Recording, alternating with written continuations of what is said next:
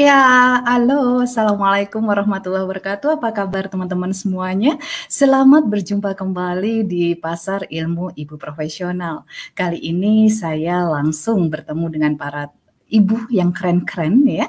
Dan hari ini saya akan ditemani oleh Pak Dodi juga untuk ngobrol bareng kita kali ini. Ya, seperti yang sudah eh, teman-teman lihat tadi ya yang seperti sudah teman-teman lihat tadi ini adalah perjalanan. Kali ini kita akan uh, bercerita gitu ya saya dan Pak Dodi akan bercerita bagaimana ibu profesional ini uh, hadir dan sekarang menemani ibu-ibu semuanya yang sudah menjadi member ibu profesional. Saya ucapkan selamat kepada teman-teman yang sudah berhasil menjadi member ibu profesional karena tidak mudah menjadi member ibu profesional. Ada yang menunggu bertahun-tahun bahkan uh, nggak nggak sampai-sampai dari mulai hamil sampai anaknya sudah besar dan sekarang udah tambah anak lagi ternyata baru masuk ada yang seperti itu. Kemudian ada juga yang eh pas rezekinya pas lihat uh, pengumuman kemudian langsung masuk. Ternyata bisa langsung dan alhamdulillah sekarang kita bisa bergabung bersama. Kemudian uh, selamat datang juga kepada teman-teman yang uh, dulu pernah mengikuti program-program matrikulasi kemudian program-program di awal menjadi asabikunal awalunya ibu profesional ya program asabikunal awalunya ibu profesional. Dan sekarang kita bersama-sama di sini untuk bisa belajar bareng gitu ya. Belajar bareng. Kita di sini akan ngobrol bareng, belajar bareng, main bareng, beraktivitas bareng seperti uh, tagline-nya Ibu Profesional untuk membangun timnya. Ya. Uh, kalau kemarin-kemarin teman-teman sudah mendapatkan uh, inspirasi, ya sudah mendapatkan inspirasi dari banyak teman yang para leader-leader komponen ya para leader-leader komponen yang sudah mengemas kegiatan-kegiatannya menjadi sangat dahsyat dan ini akan menjadi pilihan buat teman-teman semuanya nanti setelah selesai dari kelas foundation. Saya akan bercerita sebenarnya prosesnya. Kali ini kita buka lapaknya dengan dikasih judul belanja jam terbang. Bagaimana dengan belanja jam terbang ya? Karena ini adalah salah satu aktivitas yang paling saya sukai selama saya beraktivitas dulu sebelum menjadi ibu, yaitu adalah membeli jam terbang. Ah, ada telat. ya, ini membeli jam terbang. Membeli jam terbang itu adalah bagaimana kita belajar dari orang yang sudah lebih dulu menjalankannya. Kita menguatkan adab kita, menguatkan uh, hati kita, kemudian mengosongkan segala macam isi pikiran kita untuk bisa uh, mendapatkan pengalaman ya mendapatkan pengalaman merasakan jam terbang yang sudah dilalui oleh seseorang yang lebih dulu dari kita. Nah, ini penting buat kita ya ini penting buat kita karena dalam proses ini kami yakin tantangan yang hadir di saat kami dulu membangun rumah tangga itu berbeda dengan tantangan teman-teman saat ini.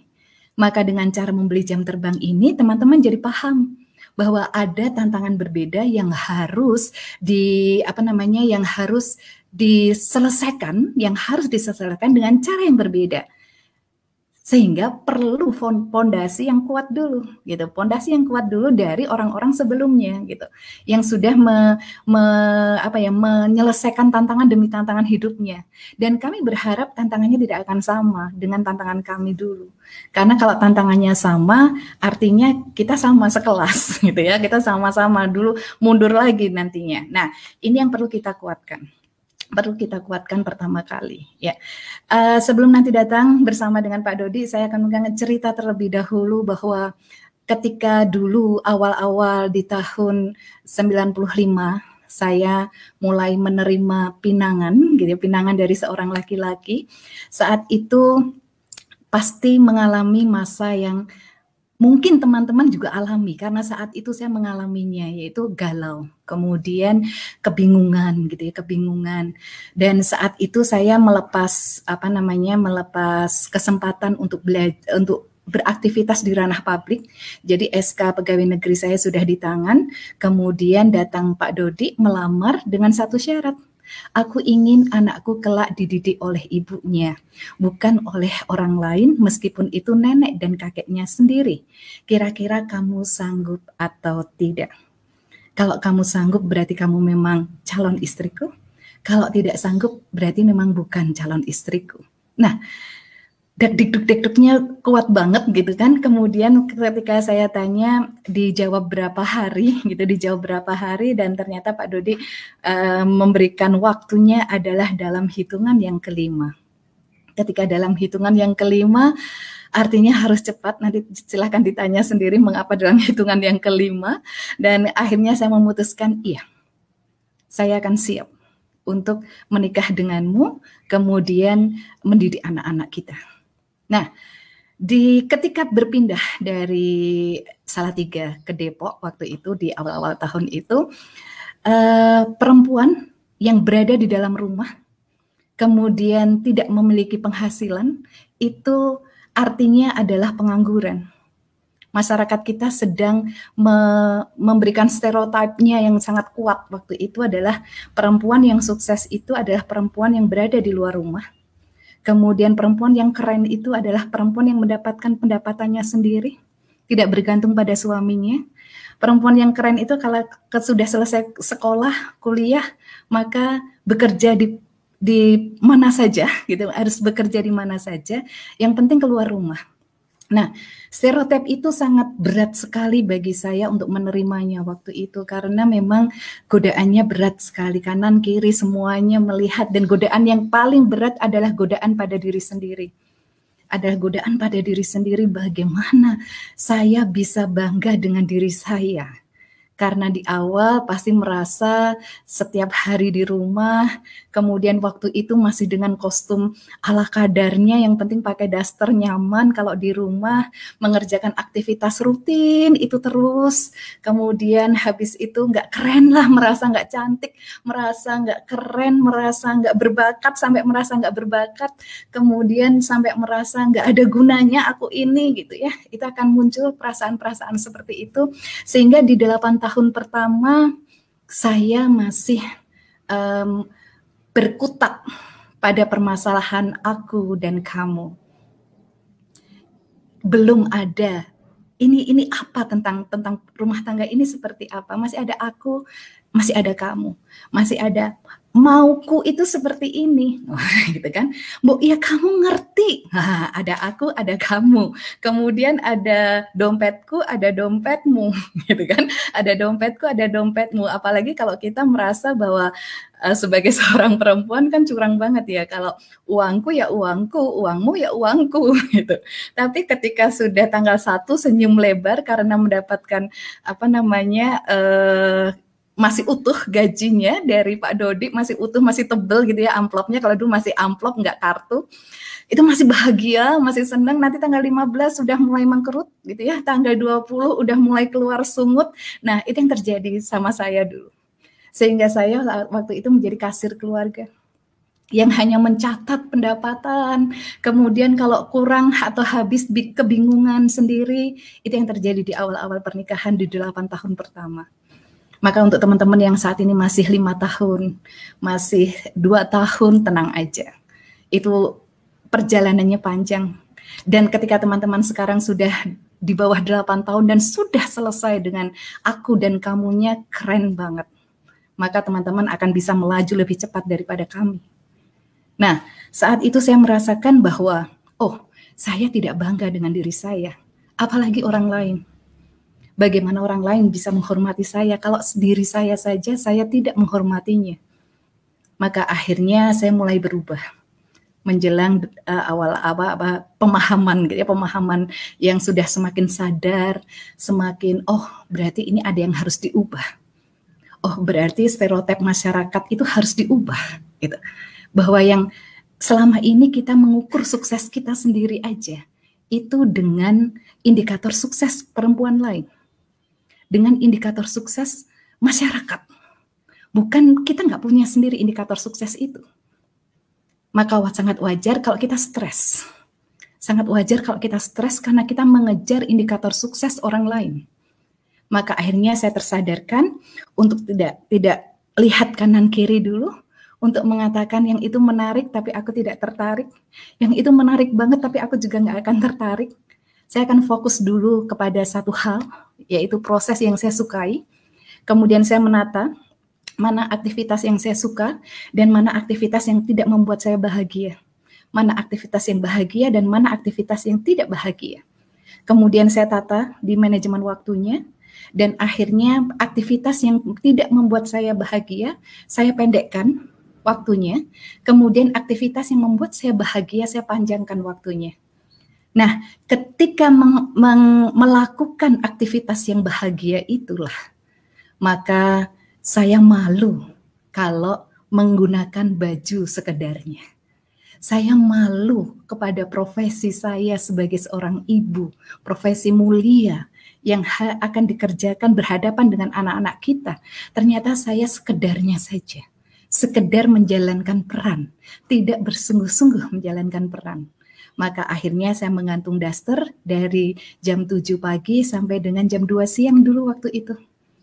Kemudian setelah daster digantung dari jam 7 pagi sampai jam 2 siang, saya memakai kostum yang nyaman di dalam rumah selayaknya orang-orang lain, perempuan-perempuan lain itu mau bekerja di ranah publik. Maka ketika itu terjadi, yang pertama kali melihat dari bawah ke atas adalah Pak Dodi.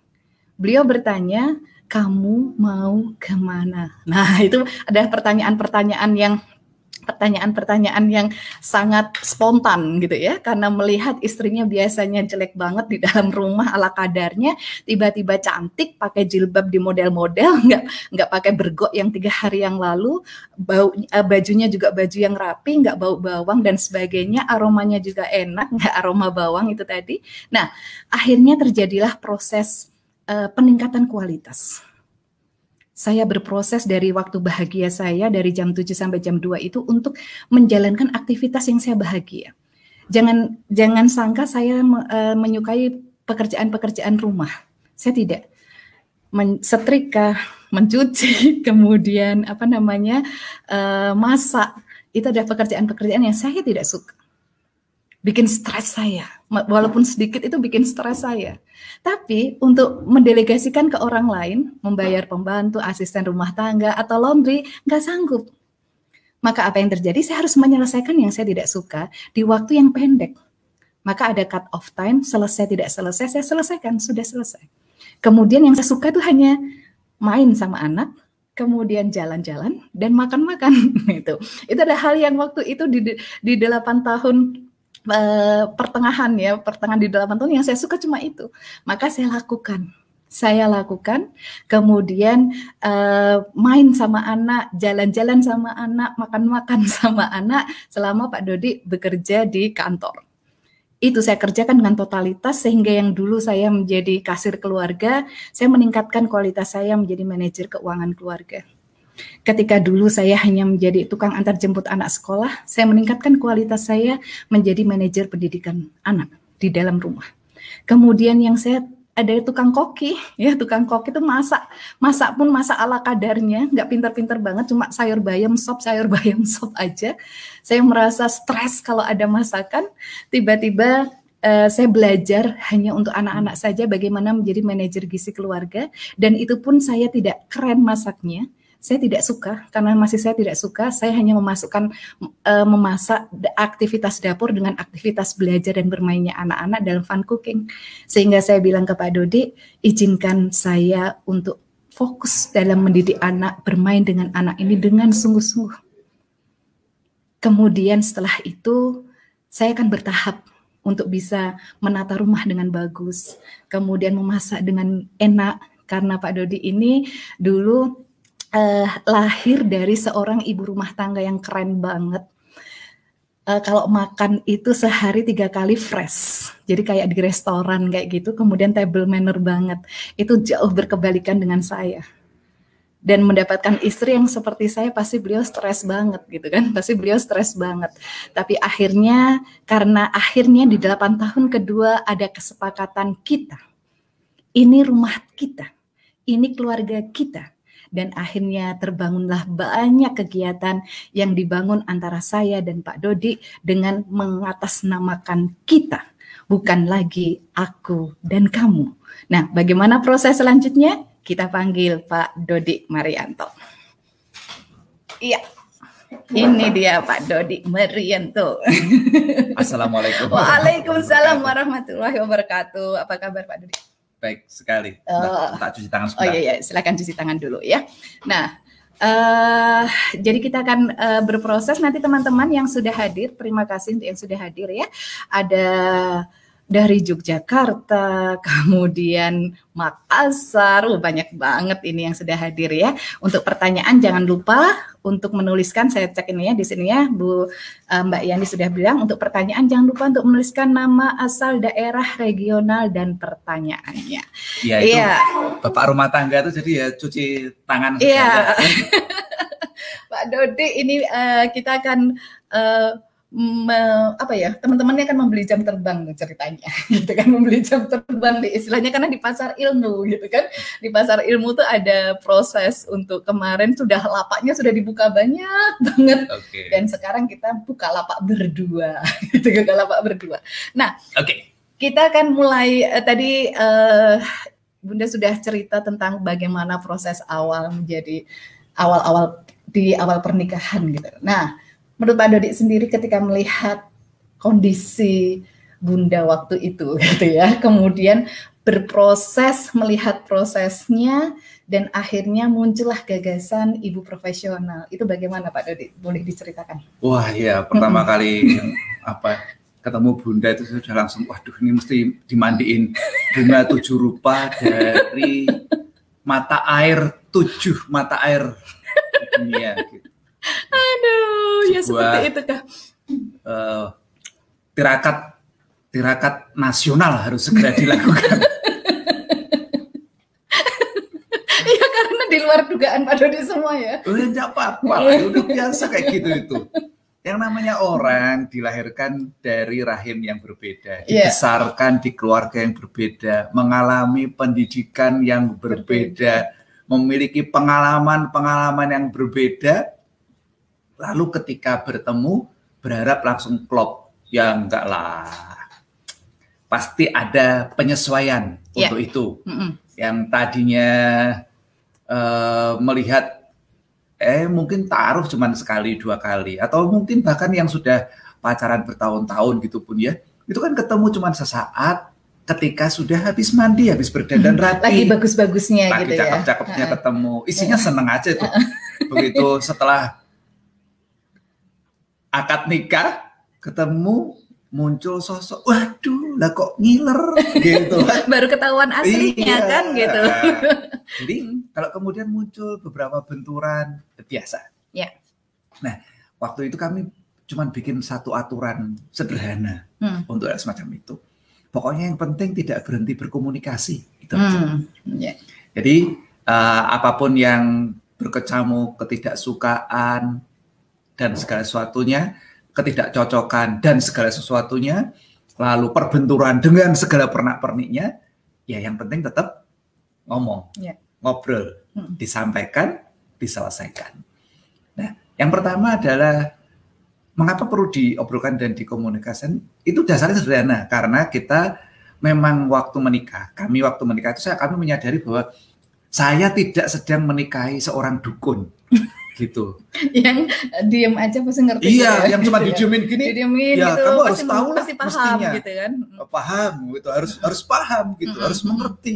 Oh, nggak bisa. Kita ini orang-orang, kami ini orang-orang biasa dan saya menikahi Bu Safti atas dasar bahwa sebagai makhluk biasa yang tidak tidak bisa mengetahui segala isi hati saya. Bu Safti kan bukan orang sakti. gitu. Meskipun namanya Sakti Penny. Sakti Penny.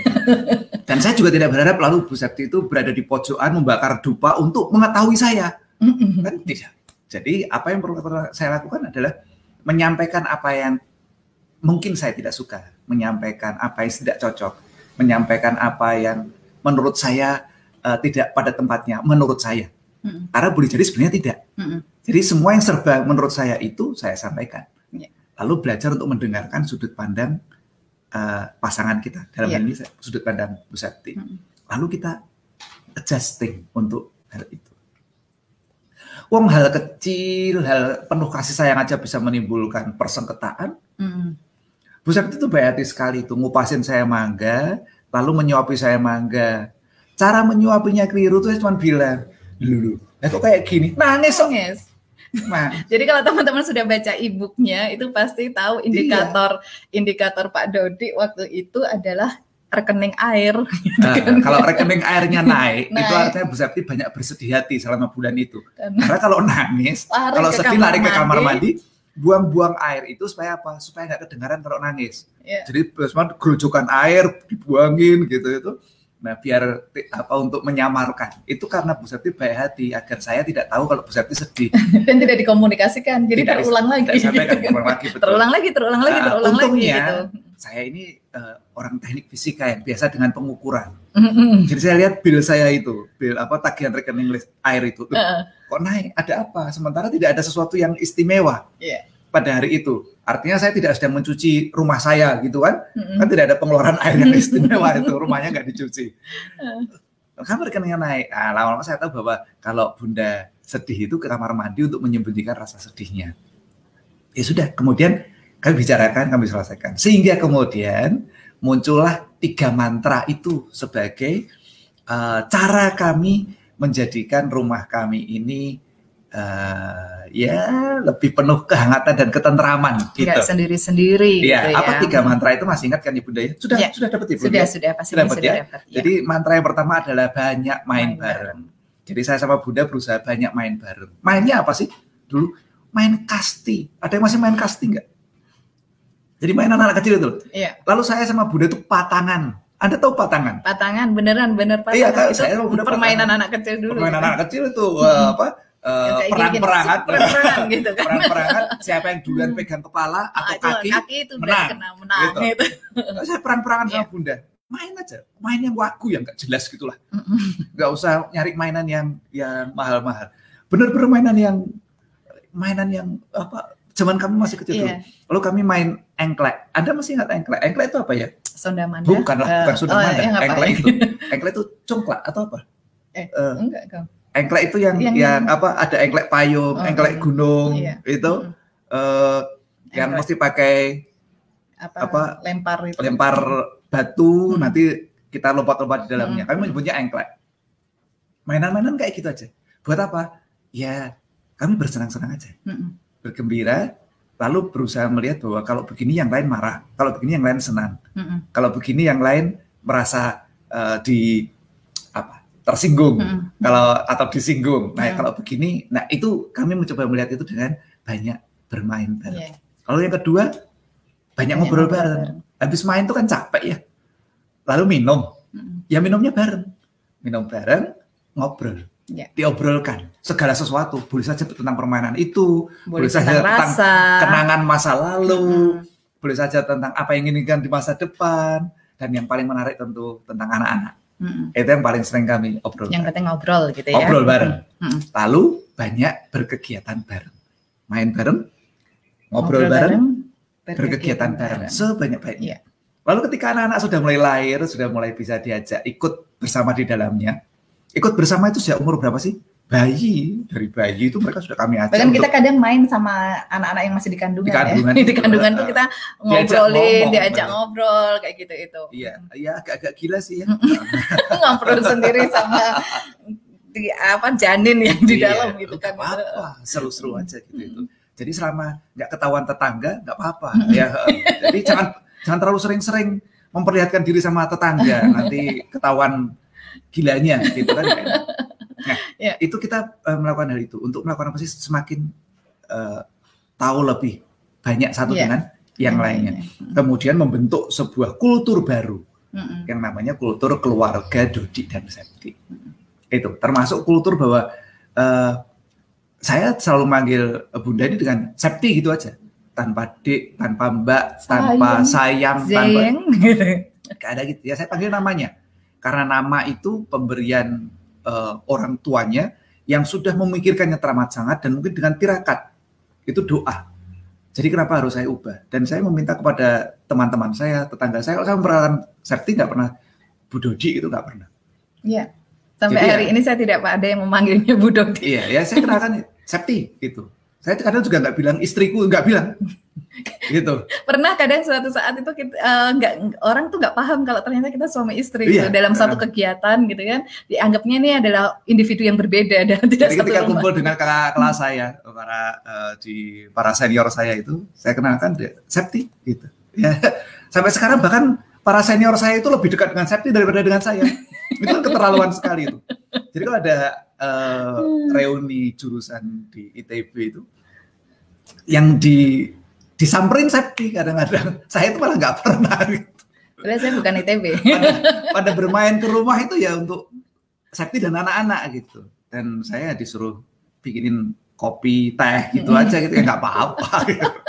Nah yeah. itu proses di dalam uh, kami berkaitan dengan menjalankan mantra yang tiga itu. Yeah. Kami belajar untuk uh, lebih tahu satu dengan yang, yang lainnya. Yeah. Lalu berusaha ini ini kalau sudah tahu, kemudian kami berusaha menerima. Ya, itu usahanya. Ya. Lalu yang perlu tetapi belum ada saat itu diupayakan bersama. Ya. Jadi misalnya ya Septi belum apa nggak suka masak. Ya, nggak apa-apa ya. Saya baru baru apa? memasak setelah 24 tahun pernikahan loh. Enggak lah. Serius. Enggak, enggak Sebenarnya Septi kemudian belajar memasak itu bukan karena saya, tapi karena anak saya. Jadi e, merasa mulai terketup itu bukan di anak pertama. Di anak pertama itu masih sebatas apa? Yang e, penting ada. Yang penting ada. Hmm, gitu. Yang penting ada. Yang penting e, ada makanan, hmm. bisa dimakan. Hmm. Gitu. Rasa nantilah. Iya. Semangat makan nggak ada, nggak apa-apa. Gitu. Baru kemudian setelah Elan itu memasak, setelah ya. Elan memasak. Anak Elan itu anak ketiga saya. Anak ketiga, hmm. memasak itu baru saya bilang, wah ternyata memasak itu mengasihkan ya. ya. Gitu. Mengapa mengasihkan? Karena ternyata tidak menguras banyak waktu, sederhana, hasilnya enak. enak. Dan itu yang memperlihatkan Elan.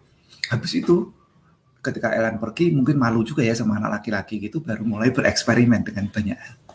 Dan itu menyenangkan. Ya. Dan terjadinya belum lama. -hmm ya, 24 tahun ini baru etapa berikutnya. Tetapi uh, mulai itu mulai tertarik gitu ya. Ketika mungkin Elan umur 11 Elan 12, 12 tahun. tahun itu, ya sekitar itu mulai Elan mulai tertarik gitu. tertarik ya. Itu yang yang yang hal sederhana. Hmm. Jadi setelah tadi uh, mengenal, mengetahui hmm. pasangan, lalu belajar untuk menerima. Kata yang mudah diucapkan, tapi biasanya akan memerlukan sebuah usaha keras yeah. untuk bisa uh, dijalankan untuk hal yang semacam ini. Yeah. Di foundation itu dulu lah, jangan banyak-banyak. Yeah, karena nanti kalau lebih dari itu, Anda sudah akan mual, mm -hmm. mual nanti malah uh, enek dan akhirnya merasa tidak bisa. Yeah. Ya, jangan lihat yang, ya, jangan lihat awal ya. Lihat kami yang seperti sekarang ini. Ini yeah. semua sebuah proses proses yang mesti iya. dijalani. Yeah. Jadi kita uh, bisa menerima masa lalu kita, kemudian yakin akan masa depan kita, gitu ya, yakin benar akan masa depan kita, kemudian itulah uh, bisa menjadi pasangan ya, menjadi pasangan yang kuat nantinya. Nah, Pak Dodi satu lagi nih Pak Dodi. Kemudian kan tahun 2008 satu. Satu ya, ya, satu lagi, terus satu lagi, ya, satu lagi. Foundation jangan banyak-banyak, banyak-banyak. satu lagi nih, uh, tahun 2008 itu kan Pak Dodi memberikan ke apa ke saya itu apa namanya? Piramid ah, ya, iya. ya piramid double piramid. Double piramid tentang ibu profesional. Dan saya waktu itu nggak paham-paham tahun 2008 gitu kan. Bisa diceritakan tadi ibu profesional kenapa kata ibu profesional itu muncul? Kemudian gagasannya karena Pak Dodi itu pintar mensistemasikan. Jadi semua yang saya jalankan proses perubahan pada diri saya ini dilihat oleh Pak Dodi, disistemkan, kemudian jadilah kata ibu profesional itu dan saya sendiri, oh apa itu ya? Silakan Pak Dodi. Ya, mungkin mungkin aku pinter memang ya. agak, agak berat untuk mengakui hal semacam itu tuh. Begini, uh, dulu dulu itu kan memang seorang ibu itu kalau tidak apa uh, kalau di rumah saja itu dianggap tidak bekerja. Lebih parah kemudian disebutnya sebagai pengangguran. Itu sesuatu yang merendahkan uh, para perempuan. Nah saya itu berpendapat bahwa kepercayaan diri, eh, karakter baik itu tidak bisa diajarkan, tetapi hanya bisa ditularkan. Nah, keinginan saya kan punya anak-anak yang hebat, mm-hmm. gitu. Harapan permohonan kepada yang maha kuasa ketika menikah itu kan nanti menghasilkan keturunan yang hebat dan punya keluarga yang hebat. Tidak mungkin bisa terjadi apabila ibunya anak-anak tidak hebat. Hmm. Nah, kenapa saya dulu menikahi Septi? Karena saya melihat bahwa Septi itu hebat. Dan ketika menjadi istri saya, bila kemudian menjadi tidak hebat, kan aneh. Lucu. Berarti ada yang keliru di sana. Nah, ketika kemudian menjadi istri saya, kemudian saya mensyaratkan untuk uh, mendidik anak-anak saya dan berstatus sebagai ibu rumah tangga, itu kan saya menjerumuskan dia menjerumuskan safety dia dia, dia ini dia, dia, dia, dia ini ya, gitu dia, kan. dia ini ya. saya menjerumuskan dia uh, ke dalam Aku kan host, ya. kelompok kelompok orang yang tidak pede yaitu para pengangguran itu hmm. para ibu rumah tangga itu yang dikonotasikan sebagai pengangguran Loh, jangankan masyarakat ya, negara saja tidak mengakui keberadaan ibu rumah tangga. Coba Anda uh, bikin KTP, lalu bilang profesinya apa Bu? Ibu rumah tangga. Nggak ada tuh di list. Di daftar itu tidak ada.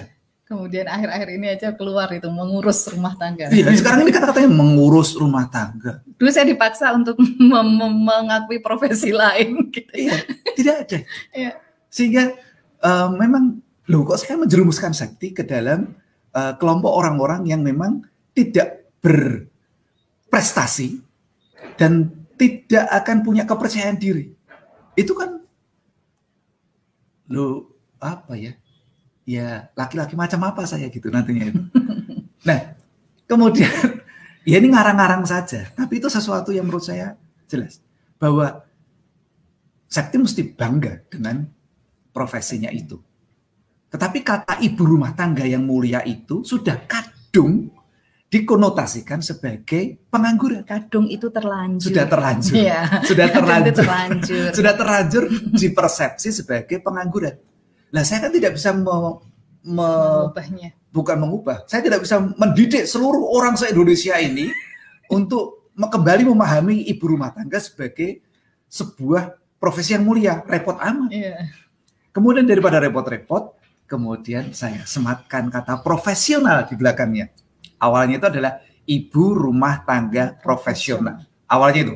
Lalu saya buatkan karena di KTP-nya nggak bisa ada itu, saya buatkan kartu nama. Iya, saya punya kartu nama tahun kartu nama 2000-an ya Pak itu ya. Enes masih kecil itu, sekitar tahun 2000. 2000 itu Mas. Iya, kartu nama itu mengatakan ibu rumah tangga profesional. profesional. Jadi Septi Penny ibu rumah tangga profesional. Kartu namanya bagus banget.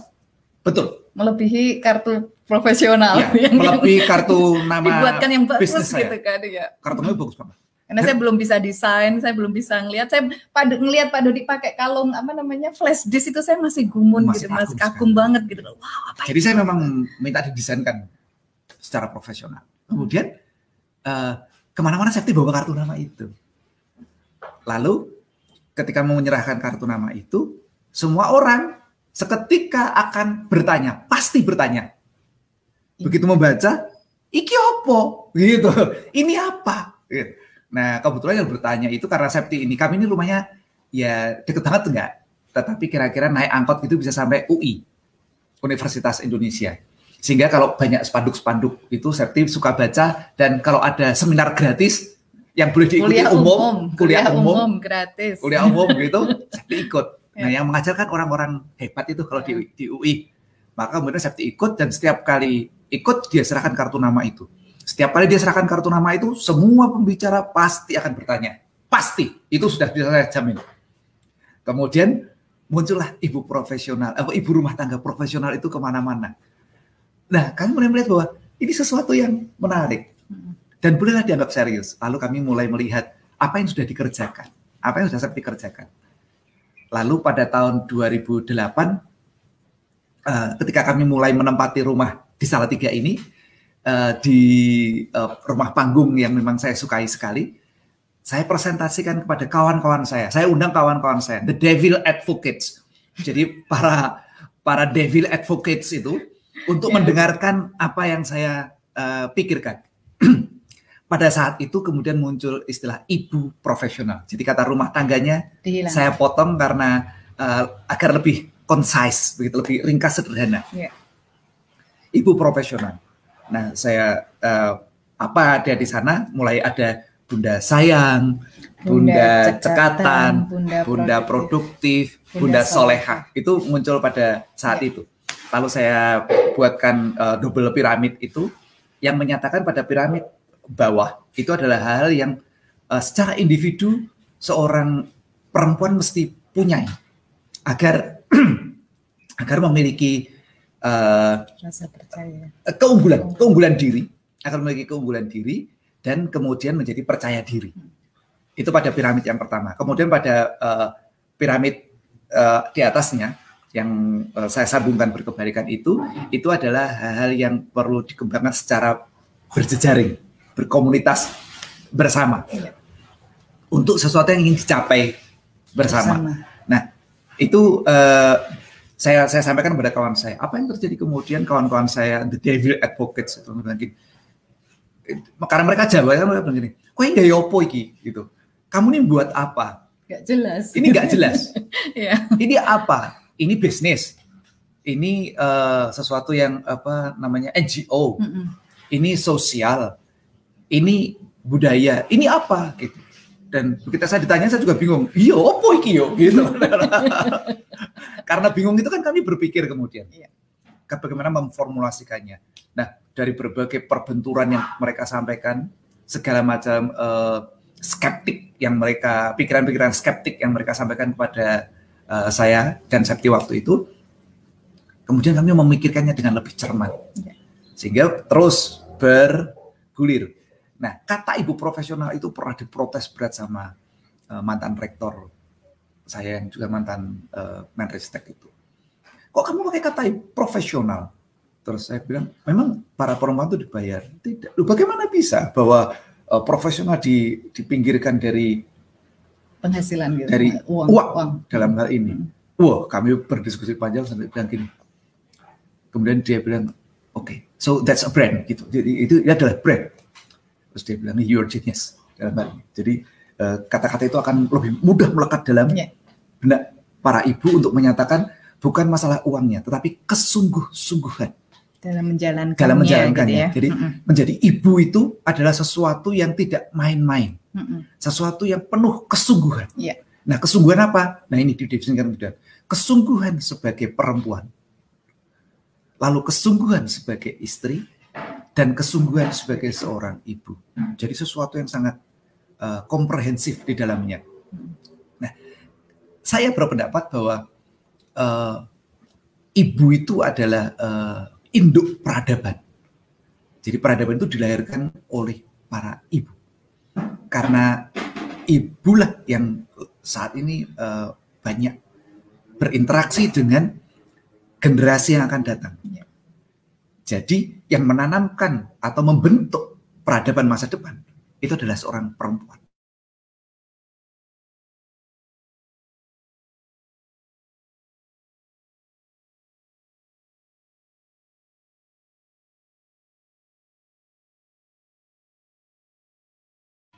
Ya. Sejarah mengatakan bahwa banyak anak yang diasuh oleh hanya ibunya itu menjadi manusia-manusia besar di dunia ini dan yang membentuk peradaban di muka bumi ini adalah sosok-sosok yang hanya dididik oleh ibunya dan itu bisa Anda bisa sebutkan siapa pun itu karena banyak sekali sosok itu hmm. uh, sosok Muhammad Shallallahu Alaihi Wasallam adalah seorang yatim. Sosok Isa alaihissalam adalah seorang uh, yang tidak uh, apa memang dilahirkan hanya oleh seorang perempuan. Kemudian sosok Ismail alaihissalam itu adalah sosok yang berdua saja hidup di tengah gurun dengan ibu dengan ibunya.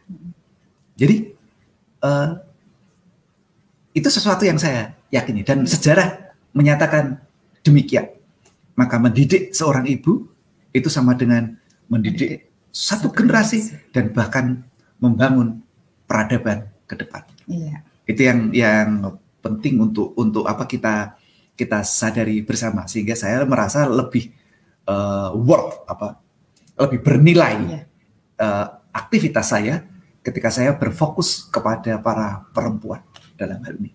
Ya, jadi ketika kita dan anak kita saja yang beraktivitas itu sudah oke. Okay. Tapi ketika nanti uh, suaminya, kemudian bapaknya ikut gabung dalam per, pendidikan keluarga itu makin dahsyat nantinya. Nah, ini adalah bahasa kemuliaan perempuan. Gitu. Ya. Memuliakan lelaki yang Memuliakan ada di sebelahnya. Lelaki, ya. ya, terima kasih untuk teman-teman yang sudah mengirimkan pertanyaan-pertanyaan. Jadi uh, saya di tahun kemarin, akhir uh, akhir tahun 2019 kemarin, itu ibu profesional sudah saya minum ya. Besar gitu ya, sudah membesar menjadi berbagai macam komponen. Nah, silahkan nanti teman-teman memilih gitu ya, memilih mau komponen di mana aja. Kalau dulu awal ibu profesional di kami lahirnya hanya institut ibu profesional. Diawali. Diawali, Diawali dengan gitu ya. institut. Diawali, Jadi tempat belajar dulu. Iya itu capacity building dulu itu di institut ibu profesional buat teman-teman yang ingin menguatkan uh, dirinya memang passionate banget di bidang itu silahkan memilih ke institut ibu profesional ini ini ini penting buat para bunda sekalian hmm. ini para ibu itu uh, kalau belanja semua mau dibeli. Iya. Gitu. Pengen tertarik oh, semuanya pengen. gitu kan. Oh, ada hal bagus ini pengen, uh, ada hal bagus ini pengen, ada hal yeah. bagus ini pengen. Ah, kita perlu untuk melihat uh, diri kita. Yeah karakteristik kita mm. dan uh, semua hal baik itu tidak harus semuanya dimiliki, iya, betul. tidak harus semuanya dibeli. Mm -hmm. Jadi pilih satu saja, yeah. atau kalau mau ya dua. Fokus tapi aja, jangan fokus lebih. aja. Tapi gitu. dilakukan dengan sungguh-sungguh, yeah, sepenuh hati, mm -hmm. all out gitu istilah kerennya yeah, zaman-zaman yeah. saya kecil tuh, harus all out yeah, gitu. Betul.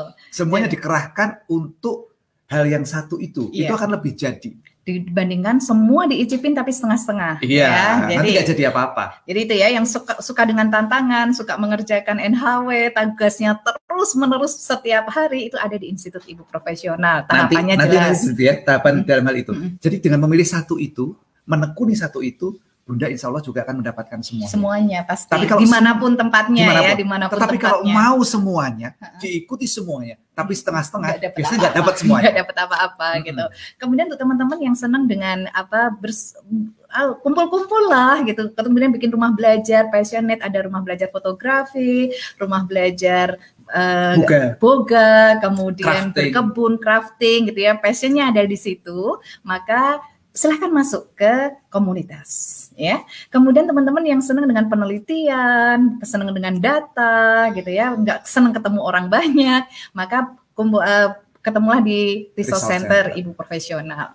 Yang senang dengan berdagang, berusaha, kemudian uh, apa namanya berbisnis lah. berbisnis lah gitu ya, masuklah ke KIPMA. Itu ada di KIPMA. Kemudian uh, Ya, yang ada yang di sejuta cinta ya. Sejuta cinta itu adalah para altruis uh, ini. Ya, gitu. Jadi uh, kegiatan yang mengenalkan charity building kita. Jadi untuk untuk menguatkan uh, hati kita, kemudian senang berbagi. Sebenarnya bukan charity kalau di sana itu, lebih ke altruis ya. Altruis, Jadi ya. uh, bahwa itu membangun bunda-bunda yang mudah tersentuh hatinya. Ya, itu. Yang senang untuk berbagi kepada sesama. Mm -hmm. uh, yang penuh kepedulian. Ya itu adanya di Sudah Cinta ya, itu. Sudah Cinta. Ya. Itu dan uh, semua nanti itu ada proses pendidikannya. Jadi teman-teman akan mendapatkan proses pendidikan semuanya. Jangan khawatir. Nanti kalau saya nggak di institut nggak dapat nggak dapat proses semuanya ada. Ada ya. habituasi itu ada di uh, Sejuta Cinta. Kemudian ada masa orientasi itu ada di komunitas. Kemudian ada matrikulasi itu ada di Institut Ibu Profesional ya. Kemudian yang senang untuk mengembangkan organisasi ini intip-intip deh ke Sekretariatan Nasional Mbak Sekjen kita dan tim Seknasnya itu ya yang menjalankan foundation kali ini. Nah, siapa tahu cocok nih, nggak ke mana-mana tapi yeah. cocok banget itu nanti ke sana latihannya di situ ya. Terima kasih saya akan uh, bacakan pertanyaan-pertanyaan yang sudah banyak sekali muncul uh, dari Mbak Mei Melja ya, Melja ya dari Bandung. Uh, mau nanya saya ibu rumah tangga tanpa asisten rumah tangga ya merasa suka kurang percaya diri kalau untuk mendidik anak. Kadang saya suka ada rasa wow melihat orang lain bisa mengajak anak bermain sambil belajar. Sedangkan saya nggak bisa setelah selalu menemani bermain karena pekerjaan rumah tangga ya yang saya sendiri melakukannya sendiri tanpa asisten rumah tangga. Nah, bagaimana ini ya supaya terus percaya diri? Kondisinya sama dengan uh, Bunda waktu ya, itu ya. Bunda yang mesti ya, jawabnya. Uh, aku kan hanya pengamat. hanya melihat, gitu, hanya melihat, hanya pengamat. Pengamat itu tidak berhak pengamat, untuk memberikan betul. jawaban banyak-banyak. Saya sama. Jadi di awal-awal 8 tahun pertama pernikahan itu kami tidak ada asisten rumah tangga. Semuanya dikerjakan sendiri dan padahal saya tidak menyukai pekerjaan rumah tangga itu. Yang saya sukai adalah bermain dengan anak-anak, gitu kan, bermain dengan anak-anak. Akhirnya saya mulai seperti yang saya lakukan tadi. Pekerjaan rumah tangga tidak akan menjadi beban saya. Jadi saya punya tempat-tempat untuk menyimpan sesuatu yang belum selesai. Jadi misalkan apa setrikaan belum selesai ditutup rapat kalau bahkan ada gerakan tanpa setrika gitu gerakan tanpa setrika bajunya pilih yang nggak usah setrika beli-beli bajunya. Wash and wear. Ya wash and wear gitu kan udah uh, jemur apa kering dilap-lap pakai tangan gitu kemudian dilipat selesai yang penting waktu saya bermain dengan anak tercukupi dengan tanpa gangguan pekerjaan rumah tangga. Nah, ini adalah prioritas. Tapi ada juga teman saya yang stres kalau bertemu dengan anak. Maka saya bilang, apa yang tidak yang membuatmu bahagia di mananya? Di mencuci dan setrika, bayangin. Mencuci dan setrika yang saya stres, teman saya ini justru bahagia banget. Tapi kalau bertemu dengan anak, stres. Maka saya bilang tidak tidak ditinggal anaknya, tapi ketika mencuci dan setrika, ajak anakmu di sampingmu untuk bermain air. Kemudian berjalan mencari apa namanya ilmu tentang mencuci dan setrika itu, nonton YouTube bareng tentang mencuci dan setrika. Terus yang penting ada peningkatan kualitas. Apa yang terjadi dalam satu tahun? Teman saya ini sudah menjadi juragan laundry dan anaknya mahir uh, dengan apa teknis-teknis tentang usaha laundry ini karena diajak terus-menerus bersama dengan ibunya, tidak mendidik, tapi apa namanya tidak tidak harus menemani full anak-anaknya gitu tetap tidak mendidik. mengajar. Tidak mengajar tidak harus ya, mengajar. Tidak mengajar. Mengizinkan anak-anak ikut serta di dalam proses belajarnya, proses belajarnya. sendiri. Nah itu terjadi dan ternyata juga sama gitu ya. Jadi nggak, apa -apa. nggak perlu khawatir ya. ya. Jadi yang pertama sebenarnya adalah Bunda tetapkan dulu apa sih yang harus dikerjakan? Ya. lalu lihat mana yang Bunda suka. Iya, betul. Mana yang Bunda tidak suka. Fokus pada yang Bunda suka. Iya. Gitu dulu. Iya, lanjut ya. Uh, saya cari dulu karena banyak terima kasih untuk teman-teman yang sudah jika tuh menguatkan ya kita akan saling menguatkan. uh, sebentar, saya harus cari pertanyaannya. Oke, okay. Jadi ibu itu bukan hal yang main-main, butuh kesungguhan, kesungguhan sebagai perempuan, sebagai istri dan sebagai ibu. Oke, ini catatan ya. Terima kasih untuk teman-teman yang sudah mencatatnya. Kemudian Mbak Zia apa kabar? Mbak Ira Silvera ini adalah uh, teman-teman awal di Ibu Profesional ya. Kemudian Mbak Zifauzia ini di Depok apa kabar ya? Terima kasih. Saya akan cari lagi. Saya mau bertanya ini ya. Oke, sebentar. Muncul nggak ya? Muncul. muncul Oke, okay, ya. Ya, Bunda agak tegak sedikit. Ya. ya. Saya mau bertanya Pak Dodi dan Bu Septi, jika suami masih belum dekat dengan mertua dan lebih menutup diri, gampang tertekan di lingkungan baru, bagaimana saya harus bersikap ya Pak Bu? Apakah saya biarkan menerimanya gitu aja atau bagaimana? Silahkan Pak Dodi. Uh. Uh, langkah pertama adalah apa? Saya tidak pengalaman dengan yang semacam ini, jadi agak sulit saya menyampaikan sebuah cerita. Karena di kami ini ketika sudah menikah ya keluar dari rumah. Yeah. Memang tidak berkumpul dengan orang tua. Hal sederhana adalah bahwa uh, ketika kami menikah tentu kami akan membentuk sebuah budaya baru keluarga yeah. kami yang boleh jadi berbeda dengan keluar uh, budaya zaman bapak ibu saya. Yeah. Dan ini bisa menimbulkan gesekan yang tidak baik ketika berkumpul dan lebih mudah untuk uh, ketika kami baru bertemu pasti akan banyak benturan, hmm. gesekan, ya. dan itu bisa uh, mengganggu pikiran bapak ibu kita. Mungkin melihat kita nggak rukun gitu, karena memang sebenarnya perbenturan itu biasa. Dan itu pasti itu pasti wajar gitu ya. wajar terjadi dan itu perlu untuk membangun sesuatu yang baru akan ya. terjadi benturan dan ya. gesekan.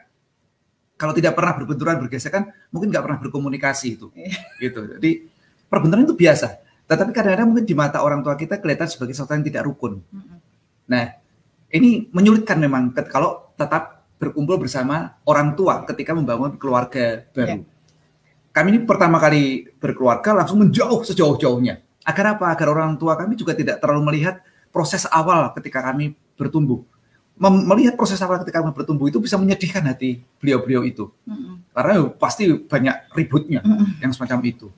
Nah, setelah kami kemudian kuat dan lebih solid, baru kami mendekat lagi. Saya baru pulang ke Salatiga. Manakala kemudian kami sudah solid, lebih kuat dan bapak ibu saya mulai uh, sepuh, yeah. lemah dalam uh, segi fisik.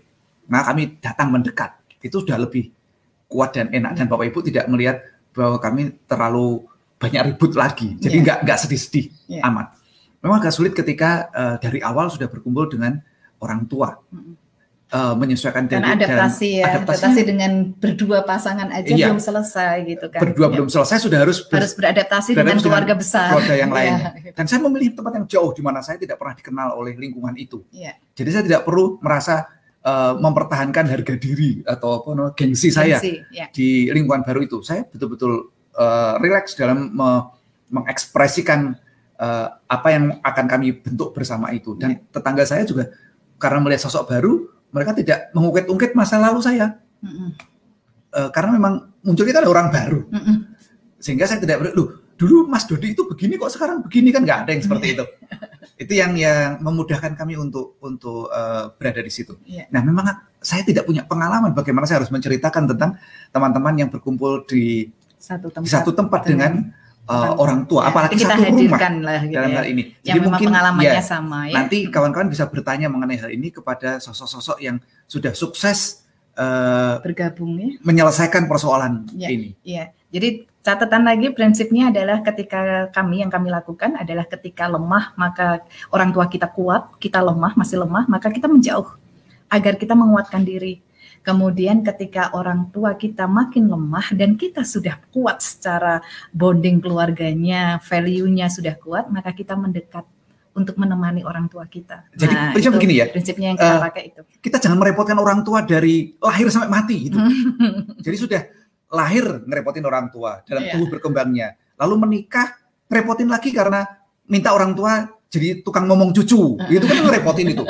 Nanti penghasilan ternyata kurang, Minta repotin lagi, lagi sama orang tua lagi. Apa selesainya mengenai hal itu? Yeah. Jadi uh, ketika kita sudah apa uh, dewasa, maka kita perlu untuk menguatkan diri kita, memandirikan diri kita, yeah. dan kita perlu mengingat bahwa ketika orang tua kita sepuh, itu secara alamiah itu memang melemah. Yeah. Secara fisik melemah, barangkali secara finansial, barangkali ya secara hmm. finansial juga melemah karena kalau mungkin sudah sepuh pensiun, hmm. pensiunan itu gaji pasti turun mm-hmm. yang semacam itu atau mungkin usahanya juga sudah tidak bisa intensif misalnya yeah. itu yang semacam itu pasti kan mengalami pelemahan di sana. Nah, ketika kita kuat, maka kita mendekat. Yeah. Jadi uh, mari kita berusaha untuk tidak merepotkan orang tua sepanjang hayat mm-hmm. gitu. Mm-hmm. Ya, selanjutnya ada dari Mbak Dita di Bogor. Apa kabar Mbak Dita? Bagaimana caranya berkomunikasi yang efektif dengan suami yang punya waktu sedikit karena full kerja dari Senin sampai Sabtu berangkat jam 6 pagi sampai 9 malam. Iya. iya. Ya kalau ini saya punya pengalaman. Iya punya pengalaman nih iya. karena sama persis. saya bahkan tujuh hari seminggu. Tujuh hari seminggu. Karena saya bekerja dari Senin sampai dengan Jumat, kemudian Jumat malam, iya. Jumat Sabtu Minggu saya bekerja lagi untuk untuk me, mencukupi kebutuhan ekonomi kami Biar bisa waktu punya itu. rumah. Ya. Saat nah. itu di, disampaikan ke Pak Dodi karena kami masih kontraktor ke mana-mana terus Pak Dodi eh, eh, di rapat keluarga gitu ya ngumpul semuanya di forum keluarga kami ngobrol bareng terus bilang Bapak harus harus ngambil kerja hari Jumat Sabtu Minggu ya karena kita punya mimpi bareng yaitu punya rumah. Nah, nah lanjut Pak. Diawalinya dengan apa? Diobrolkan memang. Ya. Jadi ketika mengapa saya tidak banyak di rumah, anak-anak tahu jadi bapaknya tidak sedang pergi bersenang-senang ya. sendiri karena Betul. pergi saya enak sekali. Saya itu kalau pergi naiknya pesawat, tidurnya di hotel, kan kayak kayak piknik sendiri ya. Anak-anak jadi apa? Lu kok bapak piknik sendiri ke mana-mana gitu. Iya. Nah saya eh, dia diobrolkan dengan anak-anak apa yang mengapa saya melakukan demikian untuk apa dan berapa lama kira-kira ini akan akan uh, bapak lakukan dalam yeah. hal ini sehingga kemudian ketika tiba suatu masa saya sudah intensif ngumpul dengan lebih banyak ngumpul dengan mereka daripada bepergian lagi. Nah itu disampaikan pada anak-anak. Nah sekarang ini sudah lebih gampang lagi, teknologi sudah memungkinkan. Uh, meskipun saya berjauhan dengan anak-anak sekarang ini, jadi kami berdua saja di rumah, anak-anak sudah dua di Tangerang, satu di Bandung bersama dengan anak dan suaminya, kami masih tetap bisa intensif yeah. berkomunikasi karena teknologi memungkinkan. memungkinkan. Yeah. Hmm. Kita bisa melakukan video call setiap saat. Hmm. Jadi gunakanlah teknologi. Yeah. Jadi ketika berjauhan, buka HP-nya untuk berkomunikasi. Ketika ada kesempatan ngumpul, matikan HP-nya dan ngomong langsung saja. Jangan dibalik. Yeah. Ketika berjauhan, HP-nya dimatikan, di silent, nggak hmm. mau dapat hubungan dari keluarganya. Yeah. Lalu ketika datang lagi ngumpul, HP-nya dinyalakan karena pengen tetap ngumpul dengan orang-orang yang lainnya, nggak berkomunikasi dengan keluarganya. Iya. Jadi harus jelas ya, ketika HP, eh, ketika berjauhan, optimumkan HP untuk berkomunikasi dengan keluarga, tetap membangun komunikasi. komunikasi. Dan ketika eh, di rumah, HP off, sudah intensif lakukan tiga mantra itu tadi, main bareng, ngobrol bareng, berkegiatan bareng sebanyak-banyaknya. Iya. Gitu aja. Iya, untuk teman-teman yang work from home hari ini juga harus saklek dengan waktu yang sudah ditetapkan. Hmm. Kapan waktu bekerja, kapan waktu selesai. Jadi harus yep. bisa mengatakan saya selesai. Hmm. Karena kalau tidak nanti bisa nggak 24 per 7 lagi tapi 25 per 8 gitu ya. Uh, kurang kayaknya kalau nggak kalau udah itu ya. Lebih parah sebenarnya adalah ketika teman-teman merasa uh, lebih asik dengan eh, teman-teman uh, di dunia mayanya dibandingkan dengan keluarganya. Keluarga yang ada di depan mata kita gitu ya. Itu oh, celaka kalau gitu. Itu -hmm. sudah hidup di apa? Sudah mepet neraka kayak gitu. Iya, kan kita harus Hati-hati. membangun surga ya. Surga Hati-hati. itu ada keluarga kita.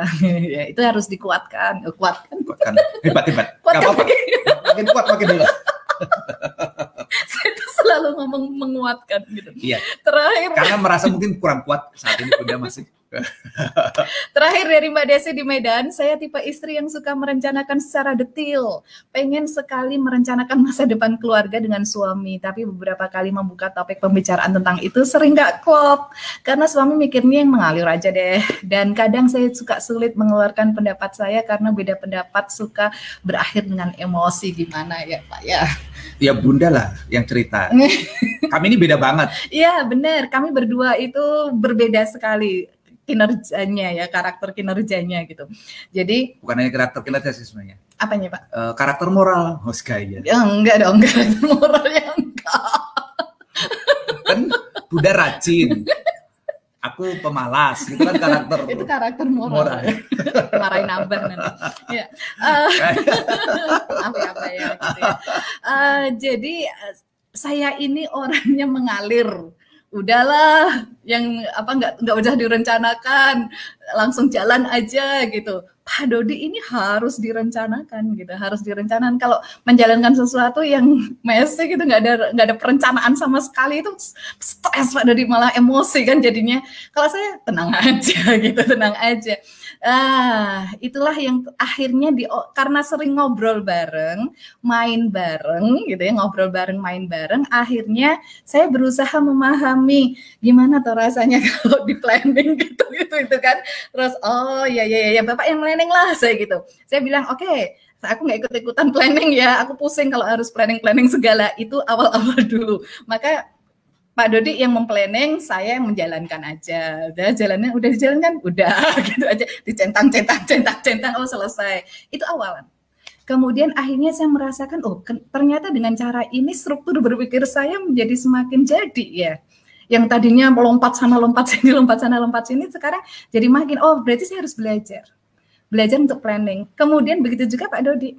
Kadang waktu itu pernah saya ajak Pak Dodi, ayo kita keluar keluar mana? Keluar negeri. Gitu kan. Keluar negeri. Waktu itu ke Jepang saya sudah nyari tiket yang uh, apa namanya pokoknya berdua aja bisa lah gitu kita jalan jalan kaki untuk apa uh, muter-muter di Jepang sana. Tanpa travel agent. tanpa travel agent tanpa kemudian guide. tanpa guide tanpa apa pun dan tanpa perencanaan gitu kan. Padahal kapan berangkatnya? Ayo berangkat kita ke ngurus visa sekarang gitu. Waduh cepet banget. Dan akhirnya ketika berada di sana benar-benar tanpa ada itinerary dan Pak Dodi merasakan itu merasakan kehidupan saya dan beliau mengatakan oh seru juga, seru juga ya Pak Dodi ya. Seru. Seru juga nih ternyata iya. kehidupan yang seperti itu. Adrenalin Adrenalinnya muncul. naik gitu kan. Tapi kalau itu terus-menerus akan bikin stres. Nah, makanya mana yang lebih mudah nih? Lebih mudah untuk uh, mengikuti. Nah, itu yang harus diobrolkan bareng-bareng. Memang yang penting itu uh, tidak memaksakan sebuah cara. Iya pada kawan yang lain. Jadi kalau tadi kami berbicara ada tentang cara kita sekarang ya. Kalau tadi kita berbicara tentang moral karakter dan uh, performance ya. karakter, yang penting adalah bahwa fokuslah pada bagaimana menjadikan moral karakter kita sebagai pasangan suami istri itu sama. Ya. Jadi moral karakternya harus sama, uh, sama-sama jujur, sama-sama me menghormati integritas, sama-sama uh, amanah. Eh, hmm. Itu fokus kita untuk hal itu. Hmm. Dan jangan terlalu stres dengan performance karakter. Uh, bagaimana dengan uh, karena barangkali kalau yang dengan berbeda itu justru kita mendapatkan kekayaan, kekuatan. ya, kalau kan gitu. Uh, bukan penguatan, harus kita kuatkan. Oh ya, jadi uh, bahwa justru yang kita berbeda itu itu menjadi kita gunakan sebagai keunggulan. Yeah. Suami yang yang uh, easy going itu kita jadikan sebuah kekuatan. Yeah. Komplement dengan kita yang uh, sistematis dan well planned. Yeah. Gitu ya. Jadi kita kita bangun semacam itu. Jadi uh, apakah saya harus mengubah Bu Septi menjadi well planned? Saya tidak. Tetapi saya izinkan Bu Septi itu mengalir semaunya selama tetap di kapal saya gitu. Jadi saya bikin kapal, saya berlayar iya. dan saya bebas berekspresi. Ya, mau mengalir saya kayak bebas apa? berekspresi, saya bebas melakukan apa pun. Ya, gitu tetap, ya. selama tetap di kapal saya. gitu. Yang arahnya ke mana? Arahnya jelas kapalnya nggak ke mana-mana. Jadi bisa tidak akan lompat ke laut. Gitu, gitu. Yeah. Itu itu proses dalam dalam yeah. Iya. uh, kita berumah tangga. Yeah. Jadi itu nggak usah apa terlalu stres dengan cara. Yeah. Cara itu bisa bisa banyak nanti untuk di dilakukan uh, apa hal itu sekali lagi hal yang berbeda itu sering kali justru hal itu yang justru bisa menjadi keunggulan ya, kita karena betul. hal yang berbeda itu selama itu berwujud bisa namanya performance character. Nah, apa itu performance character dan moral character? Nanti ya nanti setelah setelah selesai foundation iya, ya. Oke, terima kasih untuk teman-teman yang sudah hadir. Terima kasih Mbak Farda, terima kasih juga sudah hadir juga di uh, Foundation Talk kali ini dan kita akan ketemu lagi setelah Anda memilih nantinya mau di mana tempatnya. Semua tempat selalu saya intip-intip, selalu ada saya dan Pak Dodi. Jadi tenang aja ya. ya. Oke, terima Itu kasih teman-teman. Uh, terima kasih untuk Mbak Yani dan tim yang sudah menghadirkan pasar ilmu ibu profesional yes. ini dengan keren sekali. Selamat terima ini dengan pasar ilmu ini sesuatu yang baru. Ya, hal baru. Menarik. Kami sangat menyukai Salah satu karakter di ibu profesional profesional adalah kami menyukai hal baru. Ya. Jadi kalau ibu-ibu hanya mengulang-ulang saja hal-hal yang sudah lama, itu buat kami tidak menarik lagi. Ya. Kita selalu menghadirkan hal baru, baru. dalam ya. hal ini. Kami suka atau tidak menjadi tidak terlalu penting. Tetapi kalau uh, hanya mengulang-ulang hal yang lama, itu sudah pasti kami tidak suka. Iya. Oke, terima kasih. Kami pamit berdua, undur diri dan salam untuk terus belajar kuat terus. Assalamualaikum warahmatullahi wabarakatuh. Waalaikumsalam. Teruntuk anak perempuanku. Menjadi ibu memang tidak mudah, tapi kita bisa membuatnya menyenangkan. Ketika awal menjadi ibu akan muncul suatu masa ketika kau tidak merasa cantik, kau tidak merasa pintar, bahkan merasa tidak berbakat Suatu saat mungkin akan muncul seseorang yang membuatmu merasa tidak menjadi dirimu, bahkan bisa jadi itu datang dari orang terdekatmu. Akan datang juga masa-masa ketika kau tidak kuat memikul beban dunia di budakmu dan kau tak sanggup mengangkatnya. Tidak apa-apa nak, nikmati saja karena setiap tantangan itu datang bersama kemudahan. Aku sebagai seorang perempuan yang hidup lebih dulu darimu, sangat yakin bahwa suatu hari kau akan meyakini dirimu bahwa kau adalah perempuan yang sangat kuat, sangat cerdas, tak mengenal rasa takut dan cantik. Suatu hari kau akan menyadari bahwa semua yang orang katakan tentangmu bukanlah bayangan sesungguhnya tentang dirimu, melainkan sebuah bayangan orang lain tentang dirimu. Suatu saat akan datang masa ketika kau merasa sangat berharga karena dirimu memang berharga. Bukankah tidak ada orang lain yang sanggup merendahkan kita kecuali kita mengizinkannya? Aku harap di masa-masa awal menjadi ibu ini, aku bisa memotret kebahagiaanmu, sehingga suatu saat aku bisa bercerita kepada cucuku betapa hebatnya ibu yang melahirkannya. Semua perempuan berhak bahagia, nak. Jadi ambil hakmu. Teruslah berbagi kebahagiaan, jangan berbagi beban. Doaku selalu untukmu.